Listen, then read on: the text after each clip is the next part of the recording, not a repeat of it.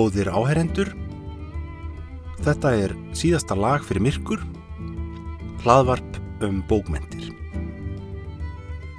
Ég heiti Hjalti Snær Ægjesson og er umsjónarmadur þáttarins. Þetta er 16. þáttur og að þessu sinni ætla ég að ræða um bókina Upprunni eftir Sasha Stanisic skáldsögu sem kom út árið 2019 og í íslenskri þýðingu tveimur árum síðar árið 2021 það er Elisa Björg Þorsteinsdóttir sem þýðir bókina. Þetta er önnur skáldsaga Sasha Stanisic sem kemur út á íslensku. Hún er um, sjálfsæfisöguleg held ég að megi segja bara mjög svo. Fyrri bókin sem við eigum í þýðingu heitir Hermaður gerir við gramofón og kom út árið 2006 á þýsku árið síðar á íslensku 2007 uh, Súbók er einnig með æfisögulegu ívafi en þó ekki, ekki til líkingu við þetta. Hér er bara höfundur sjálfur sem leggur sitt líf á borðið og sína æfi uh, Sasha Stanisic er fættur í Bosníu. Eða þar segja hann er fættur í Júkoslavíu sem þá var, hann er fættur semst árið 1978 en síðan gerist það eins og kunnugt er að Júkoslavia klopnar upp í nokkur önnur lönd eða löndin sem mynda þetta ríkja samband ríki söður slafa eins og orðið þýðir Júkoslavia klopnar upp og tilverða þessi lönd sem við þekkjum í dag. Á landakortinu Slovenia, Kroatia Bosnia og Herzegovina Serbia Makedónia sem heitir enda Norður Makedónia Svartfjallaland og síðar Kosovo. Þetta er svæði, landsvæði sem fólk þekkir úr fréttum. Þetta var auðvitað mikið í fréttum þannig upp úr 1990 eða á tíund áratögnum og allar götur síðan. Þetta er kannski mesta svona ófríðarsvæði Evrópu bara konsekvent nokkuð lengi. Þetta var alltaf kallað púðrutunnan í Evrópu þarna upp á 2000-aldar og atbyrðir sem átt sér stað þarna náttúrulega kveiktu fyrir heimstyrjöldina 1914 merkileg saga og mikil, mikil átök. Þetta er náttúrulega ekkit fríðarsvæði í dag. Við höfum dolla til einhvern þess að aftengja samtíman alltaf. Og ég meðal þó að ykkur á þessum löndum séu komin inn í Evropasambandið og, og flest hinn á leiðinu þangað inn eða búin að sækja um að miskusti þá er ekki þar með sagt að átökum sé lokið og óráleikin sé bara búin það eru heldur sex lönd sem eru búin að sækjum aðild að Evrópussambandinu eru Svartfjallaland Norðmakedónia Serbia og svo Albania sem hann reyndar ekki hluti á Júkoslavi öll þessi lönd eru með virka umsókn. Kroatia og Slovenia eru nú þegar komin inn í sambandið. Uh, ef ég mann þetta rétt þá fór Kroatia inn árið 2004 og Slovenia árið 2013 nú til þess að komast inn í Európa-samtið þarf þetta að uppfylla ákveðin skilirði og þetta kostar samninga viðræður sem að taka mörg ár. Um, og það er aðtilsvert að Sasha Stanisic sem sagt er um, Júgoslavi hann býr í Þískalandi uh, hann flúði þangað. Svona um það leiti sem stríðið í Bosníu var að brjótast út þarna 1992 þá var hann bara 14 ára gamall. Og um, Þískal, að að samband Þískalands við Júkoslaviu og við Balkanskagan er auðvitað afskaplega merkingar þrungi og mikilvægt. Og Þískalands svona, þískir stjórnmálamenn þeir líta svolítið á það sem sitt hlutverk að eh, bera ákveðna ábyrð á málum þarna. Svona, í, hlutast svolítið til um þau og Angela Merkel til dæmis þegar hún er kanslari Þískalands þá fór hún mjög reglulega til uh, Serbíu og til þessara landa í ofinbærar heimsóknir það auðvitað skipti máli alltaf þegar Angela Merkel kom til Serbíu og talaði við þarlend yfirvöld þá voru skilabóðin þau að, hérna, að það, það er ekkit raunhaft að þið komist inn í Europasambandið fyrir en þið eru búin að afgreða Kosovo-málið. Það er að segja eh, fyrir en eh, Serbia hefur viðurkent Kosovo sem frjálst og fullvalda ríki. En það hefur Serbia ekki gert enn þann dag í dag. Nú það er eins og Sasha Stanisic lýsir í bókinni uppbrunna, þá er afskaplega mm, svona grund á öllum átökum uh, í þessum löndum. Og hann hefur auðvitað farið mörgum sinnum aftur á heimaslóðir, sínar gömlu bernsku slóðir í heimsóknir uh, og hann hefur upplifað það sjálfur bara eins og lýsir í bókinni að það er, um, meina, menn sem eru stríðsklæpa menn í augum einnar þjóðar eru þjóðhetjur eh, annar staðar. Og í, einu atrið bókarnar er hann stattur hérna inn á heimili fólks þar sem eru bara myndir af þessum ílmennum þarna Ratko Mladic og Milosevic og hvað er heita nú. Og það er það er alltaf ekki um það að tala að það, neginn, það sé bara að gleima þessum hlutum. Þetta er þetta er svo ógunvænlegir atbyrðu sem áttur sér stað og er okkur marga kynsluðar að gera þessi málu upp. Það er svo langt frá því að sé búið að gera þetta upp. Og það er sko í ljósi svona samtíma hræringa í alþjóða pólitík og það er alltaf að taka tillit til balkanska og hugsa eins um hann. Til dæmis þegar stríðið, eða semst þegar borgarstríði í Sýrlandi nær hápunktið hérna 2015 og flottamann ströymurinn kemur inn til Evrópu og þjóðverið að taka við uh, lang flestum flottamannum, miklu fleiri heldur en aðrar Európa-tjóðir og það var stefna Angelu Merkel að taka mjög mikið af flottamannum inn í landið um, og svo mikið af fólki að, að ímsum um, öðrum tískum stjórnmálumennum þótti nógum, læra settum, pólitíkusum þannig að Angela Merkel var svolítið í því að sannfæra fólkum þetta og mikilvægi þess að gera þetta. Og eitt af sjónamiðum hennar og eitt af þess sem skiptir svolítið máli og, og hafði svolítið vikt í því máli var náttúrulega þetta með balkanska þar að segja flottamenn sem koma e, frá Sýrlandi. Þeir, já ef þeim er ekki hleyft inn í Þýskaland þá e, lokastu inni á balkanska og það er svæði það sem er nú þegar mikill óróleiki og sem sagt e, bara sögulega mjög eldfimt svæði Mör, margar þjóður og þjóðabrót og það að bæta síðan eh, flottamönnum eh, ofan á það væri bara of mikið. Það var mjög misjæmt hvernig eh, yfirvöld í þessum Balkanlöndum tóku á móti flottamönnum sem ríki beittu lauruglu og jáfnveil hernum gegn flottafólkinum þannig að það er ennþá, ennþá dag í dag er þessi ótti við að það brjótist út átök á Balkanska. Það er ekkit svona þetta er ekki eins og Norðurlöndin það sem er alveg frekar mikil svona samheldni. Og ég minna þegar Svíþjóð og Finnland sækjum yngöngu í NATO þá standa allar hinar Norðurlandi þjóðnar með þeim, bara sama hvað það er bara, það er, það er kvittað upp á allt. Það er allt öruvísi stemming þarna á Balkanskaganum. Og ég þarf, og ætla kannski aðeins núna svona áðurinn fyrir að tala um bókina sjálfa þá langar mér til að reykja aðeins já, þessar sögulegu þessar sögulegu þróun.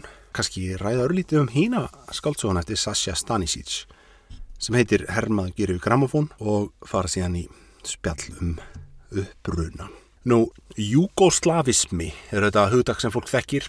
Þetta er sem sagt svo stefna að mynda sambandsríki á Balkanska sambandsríki Suður Slava eða Júgoslavíu þetta er svona hugmynd sem verður til á 19. öld. Nú það er þetta ótal þjóðir sem sagt Júgoslavia sem ríki er mjög misleitt alla síðan að tíð. Það eru mörg trúabröð og margskonar menningalög grunnur og síðan uh, og þetta er svæði sem tilheyrir bæði ottomönnum og Austuríki Ungverðarlandi og það er síðan ekki fyrir en kannski í, svona, eftir fyrriheimsturöld sem að þetta verður mögulegt að þegar Austuríki Ungverðarland er úr sögunni að það verður mögulegt að samina þessi lönd í eitt ríki. Og Uh, á 2000-öld þá nýtur Júkoslavia tiltúla mikillar velvildar á meðal Vesturlanda. Þetta er kommunistari vissulega en það er ekki þessi uh, sovjet hlýðni í gangi þarna eins og í flestum öðrum svona austantjálslöndum. Júkoslavia er ekki partur af kaldastriðin á sama hátt og, og önnur uh, austantjálslöndi og önnur kommunistari í Evrópu Það er mikil samvinna við Vesturlönd og það er styrkveitingar frá bandaríkinum og, Vestur-Evrópu eru miklar. Júgoslavar eru sem sagt til dæmis ekki partur af þessu alþjóðsambandi kommunista lengst af. Nú svo er þetta saminningartákni mikla, Jósip Brós Tito. Tito er uh, svona góður einræðisherra, uh, ef svo má segja. Hann var styrgishetja úr setni heimsturöldinni sem hafði gríðalegt svona alþýðu, gríðalega alþýðu hilli og stjórnaði þessu ríki bara til döðadags árið 1980. Það, hann er svona maðurinn sem heldur júgoslavismannum lifandi alla þessa áratögi þarna eftir setni heimsturöld. Hann var sjálfur króati og uh, hafði barist með serpum í setni heimsturöldinni þannig að hann hafi stuðning og fylgi hjá þessum tveimur stæstu þjóðum innan Júkoslavi. Nú síðan gerist það aðsynst árið 1980 þegar hann deyr, þá strax koma brestir í þetta og þá svona smátt og smátt fer þetta að líðast í sundur. Það kom upp svona spurningar og, og reyfingar manna sem að vilja velta þessu upp, hvort það væri ekki bara skynsalæra að lýsi við sjálfstæði stæði verið að halda þessu sambandi úti, þessu ríkja sambandi. Og svo náttúrulega þegar uh, Sovjetríkin falla eða leysast upp, þá uh, gerist það að, hérna, að uh, fjá, fjárstreymið frá sérstaklega bandaríkunum en frá Vesturlöndum yfir til Júkoslefi bara eiginlega stoppar. Það er Vesturlönd um, og svona vestræn kapitalísk ríki höfðu alltaf hagsmuni af því að sáu það sem hagsmunumál sitt að hafa stert, sterka samin að Júkoslavi sem einhvers konar mótvægisafl við Sovjetríkin eh, en svo þegar Sovjetríkin er ekki lengur til þá einhvern veginn bara leysist það vandamál. Og það þarf ekki lengur að dæla peningu þann inn og því er hægt og, og þá svona fyrir alvöru fyrir þetta að gerast. Og það koma upp um, e, svona sjálfstæðisreyfingar það brjótast út stríð já fyrst þarna í Sloveni og Kroatíu árið 1991 Slovenia var náttúrulega slapp mjög vel. Þetta var ríkasta svæðið í Júkoslavíu og þetta tók ekki nema nokkra daga að lýsi við sjálfstæði, stjórnarherinn gafst upp og bara valda tilfærsla náttúrulega í stað nokkuð svona átakalust. Það skipti líka máli að Slovenia var mjög einsleitt svæði, það var ekki sama svona brotakenda ástandi þar, ekki margir hópar, margir þjóðflokkar en vandin byrjar fyrir alvöru uh, árið síðar 1992 í Bosníu-Herzegovinu og þar eru við að tala um ríki sem er afskaplega blandað og samsett. Þar er í rauninni lang mesta mannfallið í þessum Júkoslavíu stríðum og það er í þessu Bosníu stríði sem svo er kallað, sem stendur hérna á tímabellinu 1992 til 1995 og það sem er svolítið sérstækt við þessi átök sögulega er að það er ekki mikið um bein átök eh, hermanna, heldur er þetta fyrst og fremst svona bara þjóðverðnis reynsanir og það eru þrýr stríðsaðilar hérna, bosníumenn króatar og serbar. Það er svona á alla kanta mikið ofbeldi og þetta eru fjöldamorð og á almennum borgurum, ekki á hermönum sérstaklega. Það eru pyntingar, fólk er svelt til dauða, nöðungaflutningum og þetta er alveg ofbóðsleg eh, svona ofbóðsleg rillingur hérna í gangi. Saminu þjóðnar reynir eitthvað að gera hérna senda friðjöggeslu lið á svæði en það gengur afskaplega ítla að ná böndum á þetta.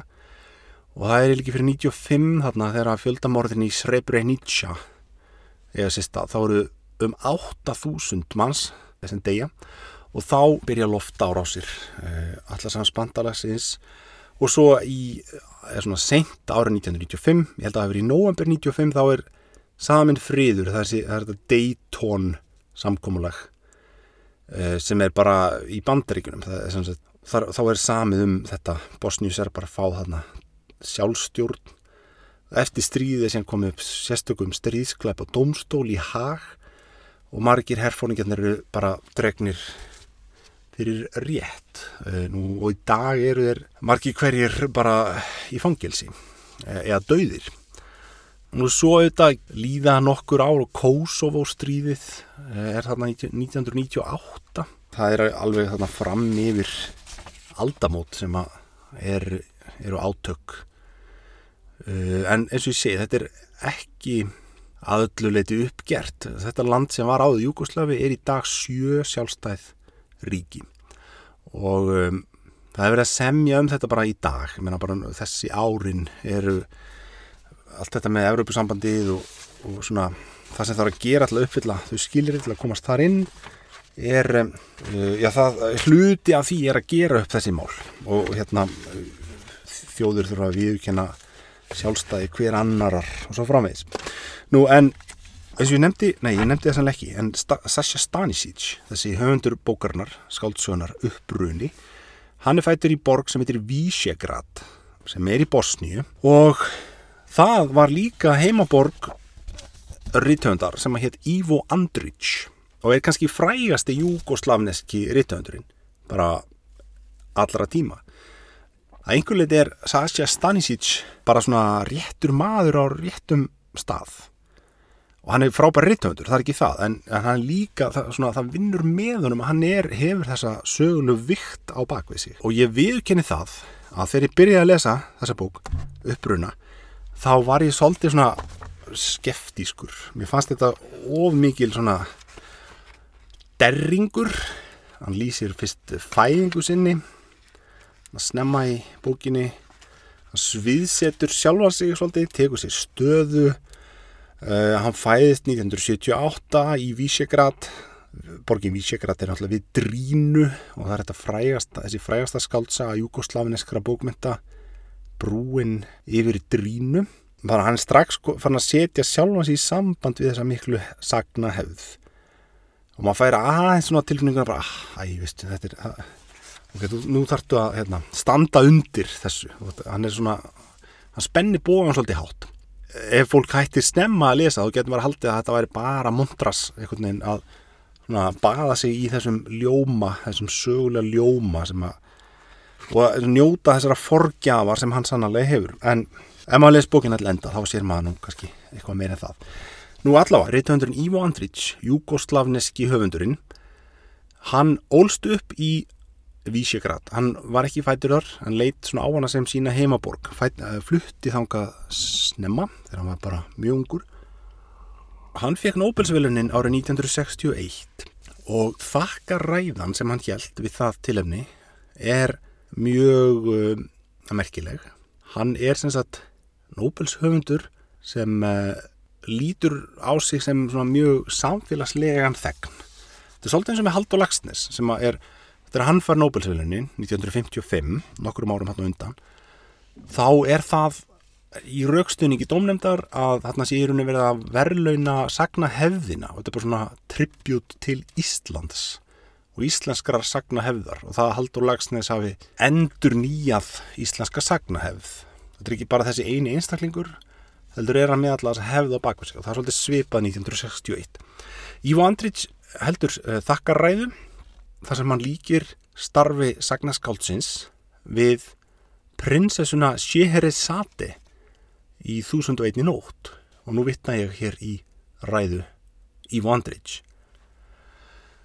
Þannig mætti stundur sannfærast um að frá því að mannkinnið vaknaði til vitundar um sjálft sig hafi það verið að segja sjálfu sér sömu söguna öld eftir öld, þó í óendanlega mörgum tilbryðum, í takt við eigin andardrátt og hjartslátt. Og segjum á að eftir fordami hinnar góðsaknakendu og málsnjöllu séherri sati, sé það hlutverk þessarar sögu að bæja böðlinum frá, að tefja fyrir þeim óumflíjanlega úrskurði sem ógnar okkur. Og að framlengja tálsín lífsins og tímans. tilutinu líkur. Þetta er þetta alveg svona hrollveikjandi orð eh, ef maður skoðar í ljósi þess sem síðar varð. En það er allavega ljóst að þarna tala rítöndur sem er mjög meðvitaður um sitt eigið pólitíska hlutverk. Í raukstunningi Nobel-stemdarinnar fyrir því að Andrich hljóti velunin kemur fram að skrif hans búi yfir episkum krafti sem hann beistlar til að rekja viðfangsefni og draga upp myndir af mannlegum örlögum úr sögu landsins. Nú brúin á drínu sem er þessi aðalskaldsaga hans er náttúrulega einhvers konar röksemt fyrir sameinaðri Júkoslavi. Það er svona tótnin. Þannig verður það að rekja sögu brúarinnar sem er byggð eh, á 16. öld. Og svo líða aldir og, og margt gerist og brúin er svona áhorfandi og segir söguna. Og sögurnar, þetta eru margar sögur og hún er svona þessi mikla þungamiðja sem tengir uh, ólík tímaskeið. Það er hægt að lesa þessa sögur sem eina samfelda rauksendafæslu fyrir Júkosláfi og Júkoslavismannum og Saga Vísjegrad í Bosníu er rakin hérna frá já, bara í fjórar aldir um það vil bara frá því byrjun 16. aldar og þanga til uh, fyrir heimsturöldin brýst út þannig upp á 20. aldar þannig að svona krafan um samstöðu er líki latriði og þetta er eitthvað svona manifesto bara fyrir Tito og Júkoslavismann allt menningalíf Balkanskans verður að vera undir þessum formerkjum. Við verðum að standa saman. Það er svona tótnin hann upp úr miðri 20. stöld og Sasha Stanisic er mjög greinlega meðvitað að tengja sjálfa sig við Ivo Andrić og með góðum rökum, hann er frá Sömmuborg og hann.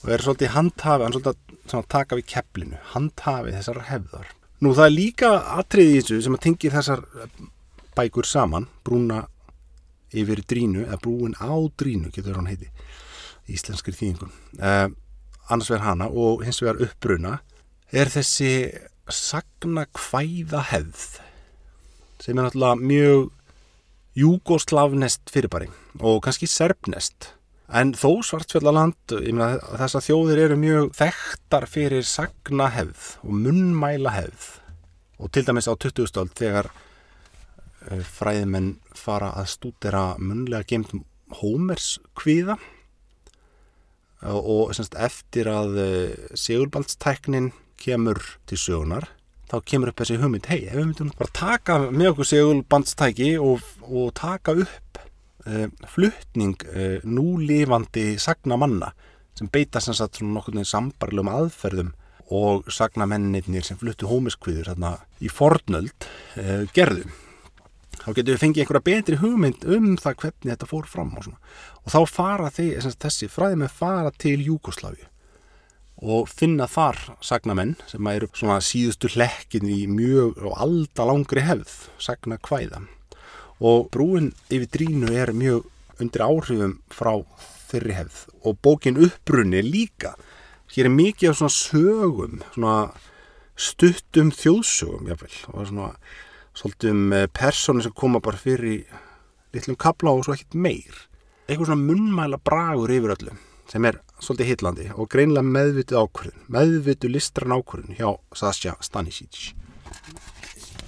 Ég er að hugsa hvort ég ætta að segja kannski nokkur orð hérna um Hermaðal gerir við grammofón það er já, hún er sem sagt býtum við, hún var 2006 þá eru 14 ár frá því að Bosníustríðið byrjar og uh, sjónarhornið þar er miklu þringra heldur en í brúnni á drínu. Það er bara eina aðalpersona frásögnin í fyrstu personu og hún er líka svona stríðssaga að því leiti að hún er með sundurlaus. Það mætti alveg færa rauk fyrir því að þarna sé eitthvað svona tráma í gangi eitthvað svona konar tilrænt til að púsla saman svona erfiðum uh, minningum. Og þessi bygging þessi losarlega bygging sögunar sé þá einhvers konar um, stuðningur við það.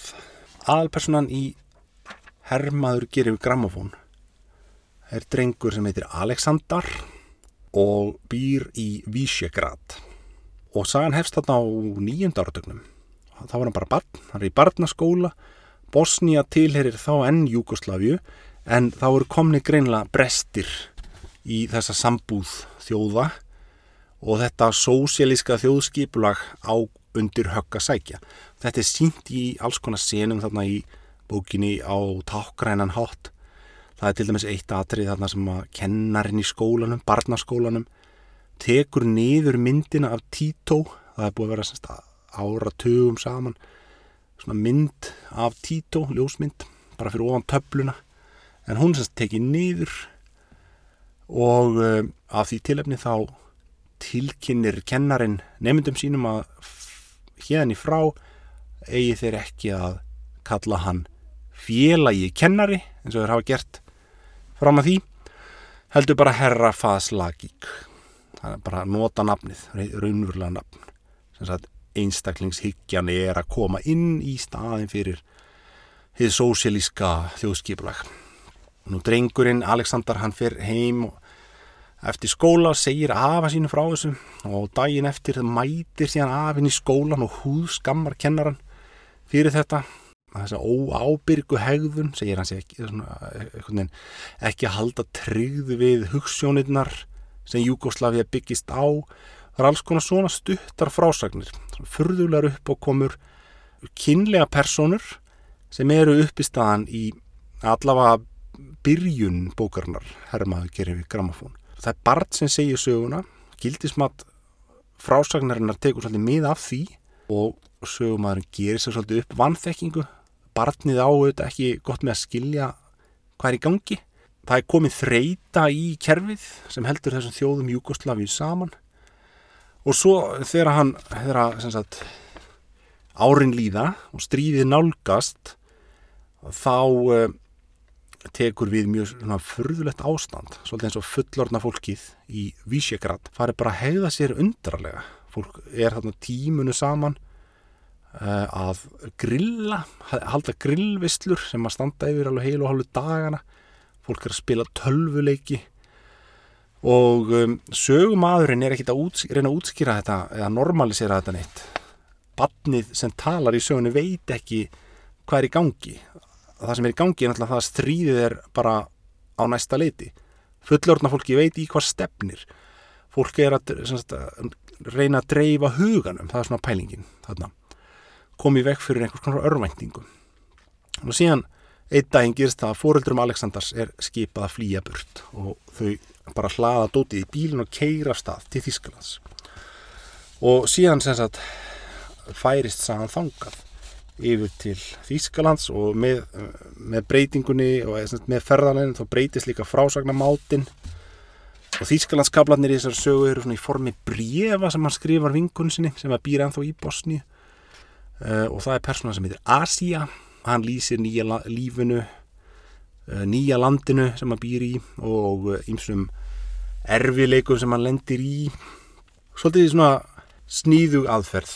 Og þetta er náttúrulega bók sem er skrifuð á Þísku í Þískalandi og eh, Hermagerif Gramafón er tilnemd síðan til hinn að virtu Deutscher Buchpreis veluna og það er reynda sömu velunin og uppruni fær síðan, þetta eru einn virtustu bókmyndavelun Þískalands sko það er einn höfundur sem sem við verðum að nefna hérna. Það er austuríski rítuhundurinn Petir Handke. Og hann var og er umdeldur hann hafi fengið sem sagt Heinreich Heine verðlunin sem er önnur merk menningaverðlun í Þýskalandi. En Handke var gaggrindur fyrir mjög vafasamar skoðanir. Hann var sagt, mjög hallur undir til dæmis slóbótan Milosevic. Og mér skilt hann hafi nú verið viðstatur í jarðaför Milosevic e, og haldið ræðu á svona serbneskur svona sympatíser. Þannig að það var svona mál manna þegar að síðan e, Sasha Stanisic, þessi ungi maður uh, ungi höfundur sem er bara ekki hann þrítur þegar hann skrifar Hermaður gerir við gramofón það tilnefna hann til Deutsche Buchpreis. Það sé einhvers konar svar við þessum þessari upphefð Peter Handke. Og uh, svona að reyna að halda einhverju jafnvægi í hennum þýskumælandi bókmentaheimi Nú merkilegt nokk, þá gerist þetta í rauninni aftur þegar Peter Handke fær sem sagt Nobelsvelun 2019 en síðan sem sagt uh, það að gefa Sasha Stanisic síðan Deutscher Buchpreis sé þá eitthvað konar svar við því mótvægis aðgerð og þegar Sasha Stanisic held þakkaræði fyrir að hafa fengið Deutscher Buchpreis þá gaggrindi hann Handke bara beinlýnis þannig að þeir eru svona kannski stóru pólarnir þessi tveir í þýskum bókmyndum þegar kemur að allir umfjöllun um uh, Júkoslavi Nú, en uh, uppruni svo ég vindi mér nú loksins í að tala beinlýnis um hana. Uppruni er í rauninni sambærileg, sko, þetta er rauninni svona sama formúlan aftur eins og var í Hermaðagir yfir Gramofón nema hvað, að nú er það ekki skáld, uppskálduð persóna sem talar heldur bara höfundurinn sjálfur hann kemur fram undir nafni og svona leggur þetta þannig upp að hann sé að lýsa sínu eigin lífi og hér er allt ég minna að allar svona dagsetningar standast eftir því best veit og personur held ég að séu meira og minna bara raun sannar hann er aðalpersonan og hín aðalpersonan í bókinni er Ammans Amma hans bjó áfram í Bosníu, hún fylgdi þeim ekki yfir til Þísklands fóreldurum hans og honum. Og síðan eftir stríðið og svona þegar á fullorins árum fer drengurinn uh, að gera þessi mál upp. Og það er ekki síst amman sem spilar svolítið rullu þar. Kristína heitir hún já. Og upprunni er bók sem gerist uh, fer svona fram og aftur í tíma. Sasha Stanisic er uh, hann er sem sagt á uh, serbneskan föður og bosníska móður. Hann tilherir einni af þessum fjölskyldum sem að voru í mjög erfiðir í stöðu þegar að þeir uppkoma átök á milli þessara þjóða. Síðan flýta þessans til Heidelberg og það er kannski já, mæti ekki segja að hermað gerir við grammafónsi að það sé meiri fókus á Vísjögrad á sagt, bernsku árin. En hér aftur á móti sé meiri fókus á unglingsár og fullorinsár það sem gerist eftirflutningi til Þýskalands. Nú en síðan árið 2009 þá fer amma hans með honum í heimsókn til Þorps í Bosníu sem heitir Oskorúsa sem er afskaplega afskekt upp í fjöllum búa einungis 13 manns þar og bara þorp sem er að deyja, er að eitthvað gufa upp. Þar hittaðu fræntfólk sitt, Kristína Bjóðharna, Amman Bjóðharna sem bann mörgum áratugum áður og þetta er svona tilrönd hennar til þess að tengja drengin við uppbruna hans. Nú síðan skiptir líka máli að í sögunni þá er, er Amman, það er semst elli glöpin eru komið fram, hún er farin að týna minningum sínum og á sama tíma þá er hann að reyna að varðveita sínar minningar. Eh, þau eru svona tvær hlýðar á sama peningi, má segja. En það sem er ekki síst áhugavert í þessari bók er aðlöguninn og þetta hlutskipti innflýtjandans, flótamannsins, það flytið til Þýskalands, hvernig það gekk allt sama fyrir sig hluti af bókinni eða nokkri kaplar í bókinni eru skrifaðir sem bref til útlendingastofnunar Þískalands þar sem hann færi rauk fyrir eða svona reynir að standa fyrir máli sínu af því að það er ekki sjálf gefið að flóttamenn fái að vera áfram í landinu eftir að stríðinu er lokið. Og til dæmis foreldrans þau fá ekki að vera lengur. Þau þurfa að flytja burt og þau flytja til bandaríkjana, til Flórida það, þetta er mjög áhafur punktur í bókinni sem er sem sagt misræmið á milli uh, viðmótsins sem mætir börnum og fullornum og það eru tala flótamenn sem sagt það er svolítið eins og fólk í nýjalandinu sem er Þískaland í þessu tilviki gefist svolítið upp á fullorna fólkinu. Og þeim sé ekkit viðbjargandi þetta er bara, þú veist Fóröldrans eru, þetta er mentað fólk sem þarf að sætta sig við það að vinna bara í sem ófaglærðir starfsmenn í þvottahúsi og einhverjum svona lálaunastörfum og þetta er svona, svona viðmóti sem mætir þeim en aftur á móti börnin fá tækifæri. Hugmyndin er þá að það sé þess virði að gefa börn, flóttamanna börnum tækifæri en það sé í rauninni óþarf að vera að eyða tíma sínum í fullorðna fólkið og þetta er eitthvað sem allir á öllum tímum þurfa að velta fyrir sér. Horfa í, sagt, horfast í auðvið svona sín eigin viðhorf. Er þetta jafnvel ennþá relevant? Mér finnst þetta kannski eitt af því sterkasta í bókinni. Skólinn sem hann fer í er, er mjög góður og það er bara mikill sveigalegi og svona, teki vel utan um flótamnaböld og en síðan er uppeldisstopnunin eða menningarstopnunin sem gefur húnum mest þarna á unglingsárunum er bensinstöð aral bensinstöð sem verður eitthvað svona félagsheimili. Og þarna koma krakkar víðsvegar aður heiminum. Og þetta er, þetta er ekki bara bött frá Júkoslavi, heldur líka frá öðrum löndum. Mikið fjölþjóða samfélag. Og hann kynist þeim og bindst böndum. Og sagt saman þá fara þau í gegnum þetta verkefni. Að aðlagast nýjalandinu ná tökum á tungumálunu og að lifa í einhverju rútínu bara það er eh, svolítið merkilegt að hugsa til þess að Sasha Stanisic er núna margverlunadur höfundur í, þýsk, uh, í þýskum bókmentum skrifar á þýsku en hann læri ekki þýsku fyrir hann er 14 ára af því að það er þá sem hann kemur til Þýsklands í fyrsta skipti. Og svo gerist það náttúrulega þegar hann sjálfur eldist verður fullorðin þá fer hann að finna fyrir að hann er útlendingur og hann nafnið til dæmis er skrifað á þannig sérstakka hátt. Það eru krókar yfir S-unum og C-inu Stasja og til að svona sigla fram hjá vandamálum sem því fylgir þá skrifa hann þetta frekar S-A-S-H-A Sasha svona til að þurfu ekki að útskýra það hvaðan hann er eitthvað svona. Og hann lýsir í þetta að þetta hafi verið vandamál til dæmis þegar hann var að um, leita sér að uh, íbúð bara til að leia, leia leigu íbúð og líka uh, var tínu ofinbera hjá alls konar stopnunum allstað það sem hann þarf að skrifa nafni sitt. Nú síðan alltaf þegar hann eftir hann er orðin verðlunaður rítvöndur þá hættir þetta að vera vandamál. Og hann er auðvitað forréttinda pjessi með að við marga aðra og hann, hann veit alveg af því.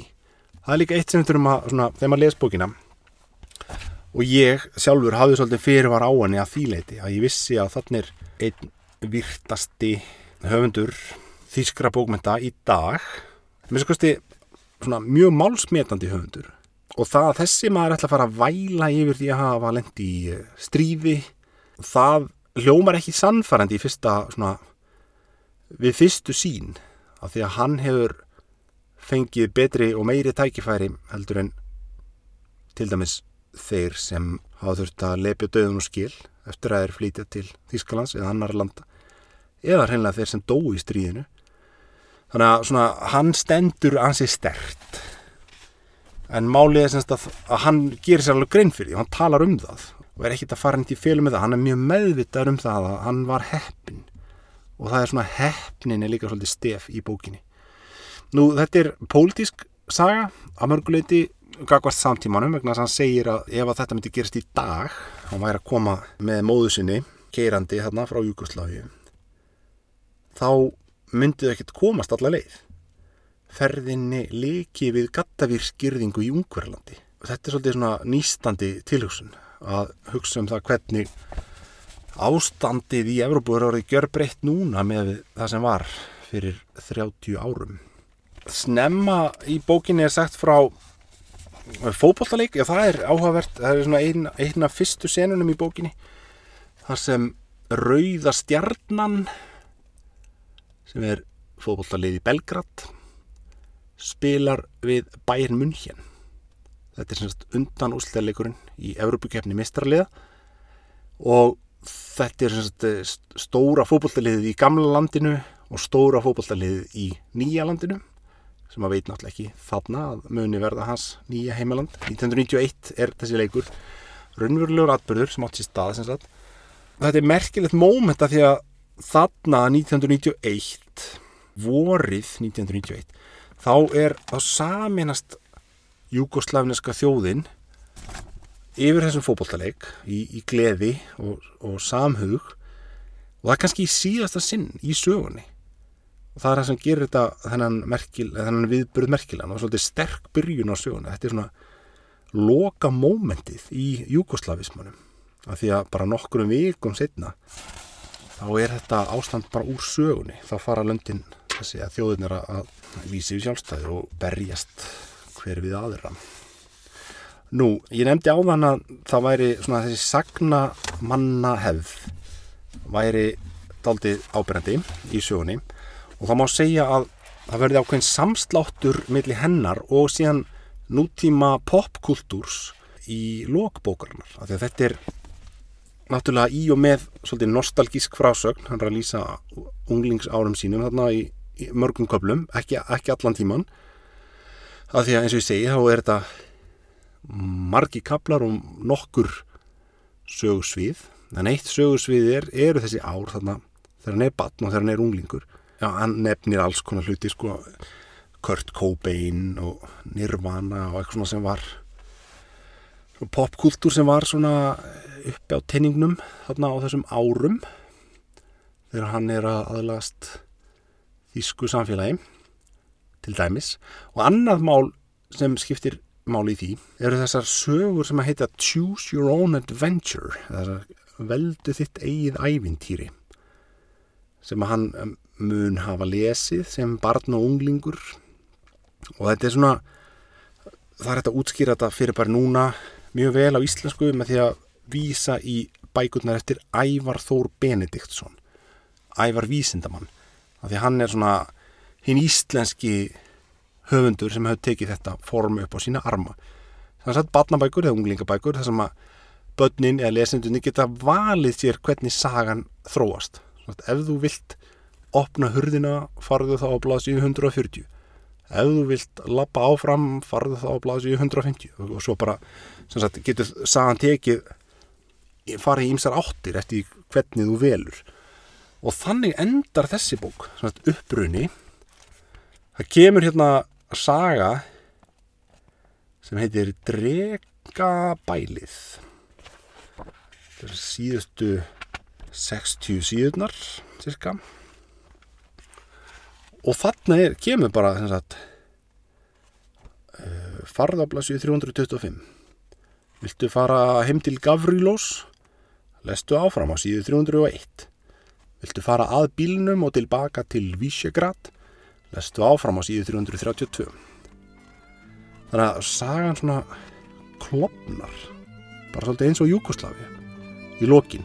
Og það er líka tinging við sagnamanna hefðina eh, sagna hvæða hefðina það hvernig sögurna geta tekið óvænta stefnu eitthvað svona. Þannig að það er engin afgerandi nýðustada og rétt eins og Hermaða gerir við gramofón er þetta sundurlaus saga og meðvitað. Það er ekki tilviljun þetta er bara, það er form sem, sem hendar vel fyrir þessa upplifun sem við verðum að lýsa hérna. Þannig að þetta er svona það helsta um bókina Uppbruni eftir Sasha Stanisic. En ég ætla að, að láta þessu lokið að sinni og ég þakka þeim er hlýttu verið sæl